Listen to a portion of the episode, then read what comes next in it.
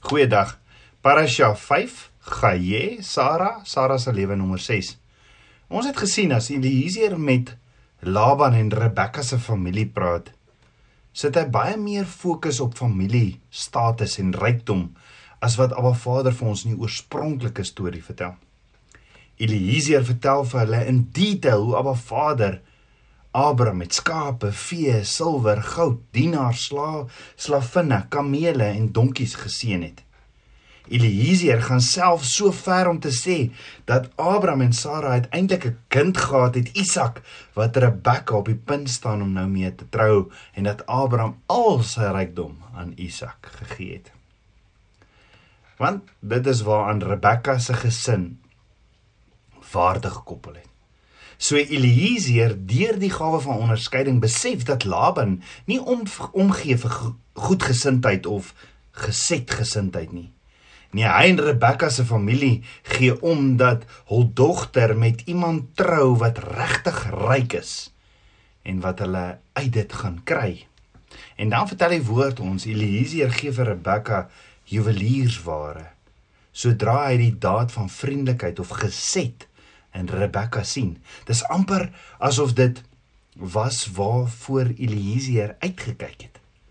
As hy net geset sien in hierdie vrou wat vir hom en sy kamele water bied, dan weet hy dis die vrou vir Isak. En die vraag is, is Abba Vader nie ook uit vir op soek na goedgesindheid, vriendelikheid en geset vir Yeshua sy seun nie? Toe Eliezer die storie van Rebekka se familie vertel, toe sê hy eers toe sien toe hy sien sy is familie van Abraham, toe gee hy die juweliersware. Met ander woorde, Eliezer maak dit duidelik by Laban dat wat hy en Rebekka waarneem as die geskikte vrou vir Isak en noem niks oor geset of vriendelikheid nie. Hy praat meer oor hierdie familiestatus. So kan ek vra, wat het Rebekka die ideale vrou gemaak regtig vir Isak? Net so kan ek vra, wat maak my en jou die ideale bruid vir Yeshua? Ons weet Rebekka het hierdie vriendelikheid, goedgesinde, wonderlike eienskappe as hierdie vrou van Isak, maar is daar dalk baie dieper in hierdie geset gesindheid waarvan Abba Vader se woord ons in Hebreërs leer? Want sien Rebekka is goedgesind of geset in 'n plek waar almal om haar die teenoorgestelde doen. Sy's amper soos hierdie roos tussen klomp dorings, want buiten dat Eliezer en sy 10 kamele water gee, dat hy self hulle water gee, dat, dat sy vir hulle water gee wat haar ure moes geneem het. Dit en dit alles vir 'n vreemdeling is Rebekka ook beeldskoon. Terwyl Laban haar boetie aan die ander kant glad nie omgee of of 'n vreemdeling sy sussie wegvat na 'n ver land nie. Hy is meer net ge-worried oor dit wat hy daar uitkry. Maar Rebekka is meer soos Abraham is dit nie en Sara wat die nasie van Abba Vader sal bou op goedgesindheid of geset gesindheid, is dit nie? En Eliezer het gesien deur die Heilige Gees wat hom gelei het dat Rebekka as die perfekte vrou om die fakkel van Abraham se nalatenskap aan te dra, want Rebekka het 'n geset gesindheid waar selfs haar eie familie nie het nie. So wat is hierdie geset gesindheid se dieper betekenis presies?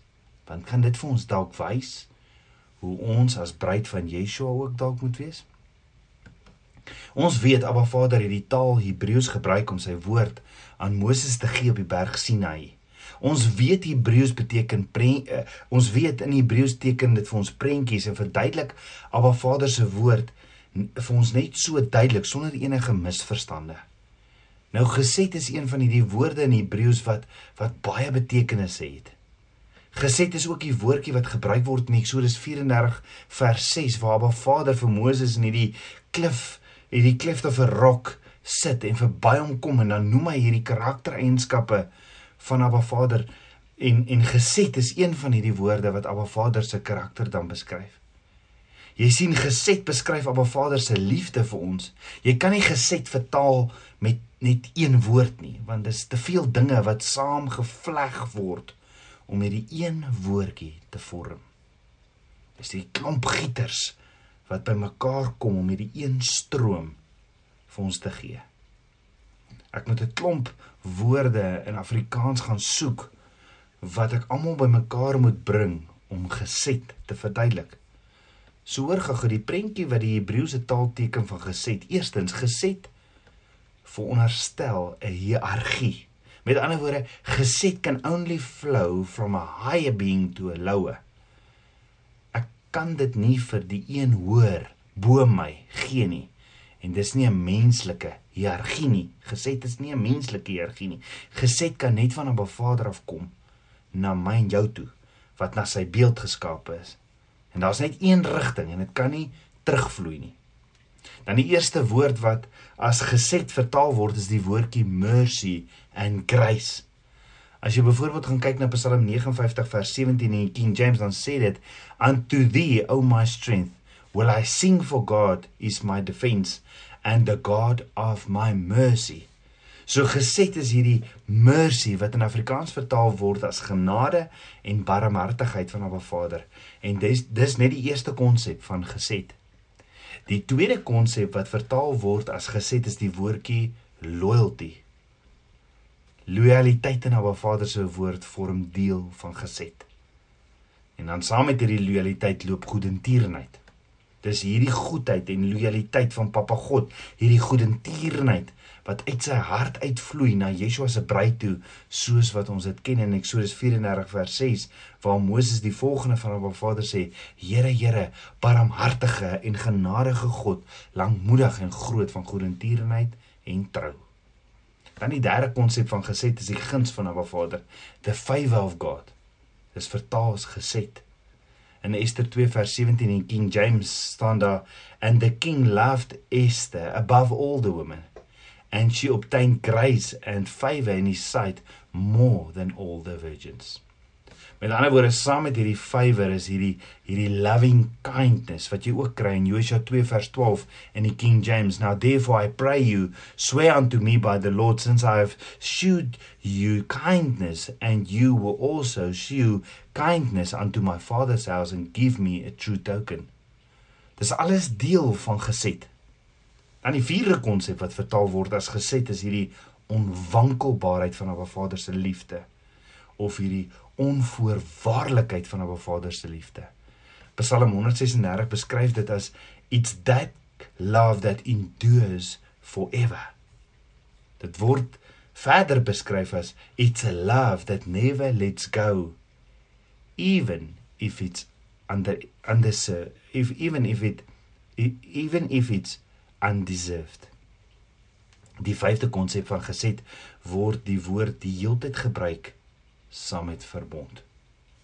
Die woordjie in Hebreëus brideth, dit is liefde altyd binne verbond. In Nehemia 1 vers 5 staan daar and said I beseech thee O Lord God of heaven the great and and terrible God that keepeth covenant and mercy for them that love him and observe his commandments So sien ons al hierdie al hierdie in Abba Vader se woord wat vertaal word as hierdie begrip van Abba Vader se liefde hierdie geset. Paulus probeer in 1 Korintiërs 13 vers 4 tot 7 hierdie geset liefde beskryf deur te sê liefde is lankmoedig en vriendelik. Die liefde is nie jaloers nie, die liefde praat nie groot nie, is nie opgeblaas nie, handel nie onwelvoeglik nie, soek nie sy eie belang nie, soos Laban nie, word nie verbitterd nie, reken die kwaad nie toe nie, is ook bly oor is nie bly oor die ongeregtigheid nie, maar is bly saam met die waarheid. Want liefde bedek alles, glo alles, hoop alles en verdra alles. En al hierdie elemente van een liefde en dis dis alles hierdie karakter van 'n Vader. Jy sien dan sê Abba Vader in Eksodus 20 vers 6. En hierdie is seker vir my een van die mooiste teksverse in die woord waar Abba Vader sê ek bewys barmhartigheid aan duisende van die wat my liefhet en my gebooie onderhou. In Hebreë sê Abba Vader for those who have me I will show my geset. Okay, so wat beteken ahaf?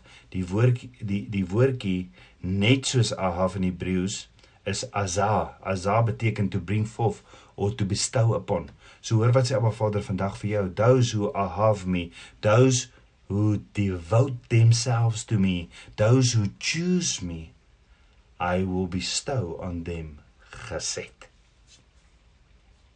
Met ander woorde, Abba Vader sê vir die wat my kies en hulle self oorgee aan my met toewyding, die wat in die Gees sal leef, sal gevul word met Ruach, met Heilige Gees en sal gevul word met gawes van die Gees. Dan natuurlik weet ons die vrug van die Gees wat in Galasiërs 5 vers 22 opgenoem word, is die eerste een wat genoem word liefde, hierdie geset. So as ek kies en myself gee met toewyding vir Abba Vader, sal Abba Vader vir my geset gee. So hy sal vir my leer hoe om genade te verstaan en te kan gee vir ander mense, want dit is deel van geset. Dan kan ek leer hoe om lojaal te wees. Maak nie saak wat met my emosies gebeur nie, want dit begin alles by toewyding. Ek gaan leer dat lojaliteit en liefde is een ding Verder, wanneer ek gevul is met Abba Vader se asem omdat ek hom gekies het met toewyding om in verbond met hom te wees, gee hy vir my geset liefde. Dan kan ek ook soos Eliezer Papa God se guns raak sien en ek kan guns gee en bewys vir ander. Want jy sien wanneer ek gevul is met hom, verstaan ek onvoorwaardelike liefde, want is deel van my, dis deel van daai liefde. En is hier waar ek my naaste liefhet, maak nie saak wat hulle aan my doen nie oorgegaan. Dis ook hoekom ek nie die liefde vir my kind kan beskryf nie. Ek kan dit nie in woorde beskryf nie, maar dis dis altyd lojaal en onvoorwaardelik. Maak nie saak wat my kind doen nie. Want is geset liefde. Abba Vader se liefde in my. So dis eers wanneer ek gevul is met die met die Heilige Gees. En Abba Vader gee my hierdie geset, hierdie bestou, hierdie geset liefde dan begin ek verstaan wat verbond is en ek begin verstaan dat as ek 'n verbond ingaan met iemand is dit onvoorwaardelik. Daarom is ek Abba Vader gehoorsaam want hy hierdie geset liefde. Dis hier waar ons ingesteldheid verander en ons sê Abba I will start this journey of love by devoting and making the decision to devote myself to you in covenant with you. Ja, en dan gaan ek hierdie amazing emosies ervaar en party dae gaan die trane net loop en blydskap en partykeer wanneer ek wanneer Abba Vader my aanraak, gaan ek net neerval op my knieë, shaka. Trane gaan net rol en dis oukei. Okay. Want wanneer ek daar is, ervaar ek Abba Vader direk. Wanneer het jy laas by iemand gesit en oor Abba gepraat of iets in jou lewe en die volgende oomblik ervaar jy Vader en dit is net hierdie trane wat rol. Dan is wanneer ek Abba Vader direk ervaar. Dis hier waar ek dan die vrug van die Gees ook dra, nie die vrug van die eie ek roef nie, die vrug van Heilige Gees wat liefde is. Wat geset is en dan dan kan ek onvoorwaardelike liefde gee al verdien die ander persoon dit nie regtig nie. Dan kan ek genadig wees en ek kan guns verstaan en guns vir iemand gee en dis Abba Vader se prentjie van liefde. So hoor gou ten laaste. Rebekka soos Abraham kom van dieselfde land af. Dieselfde familie. Maar albei moet leg lega.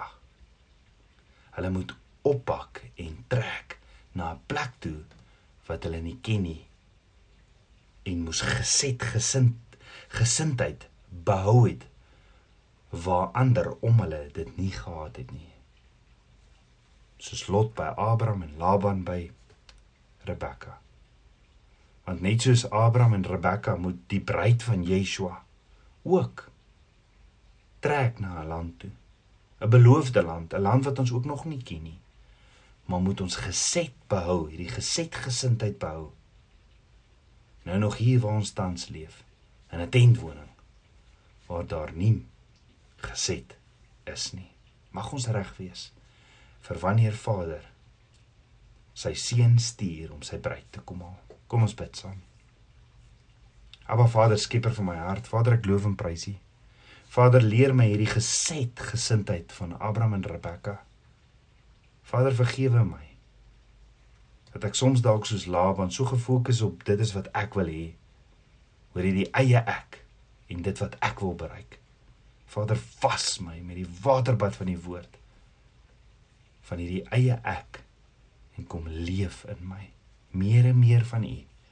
Bid dit alles in Yeshua, Hamasieg se naam, die seun van Jahweh. Shalom.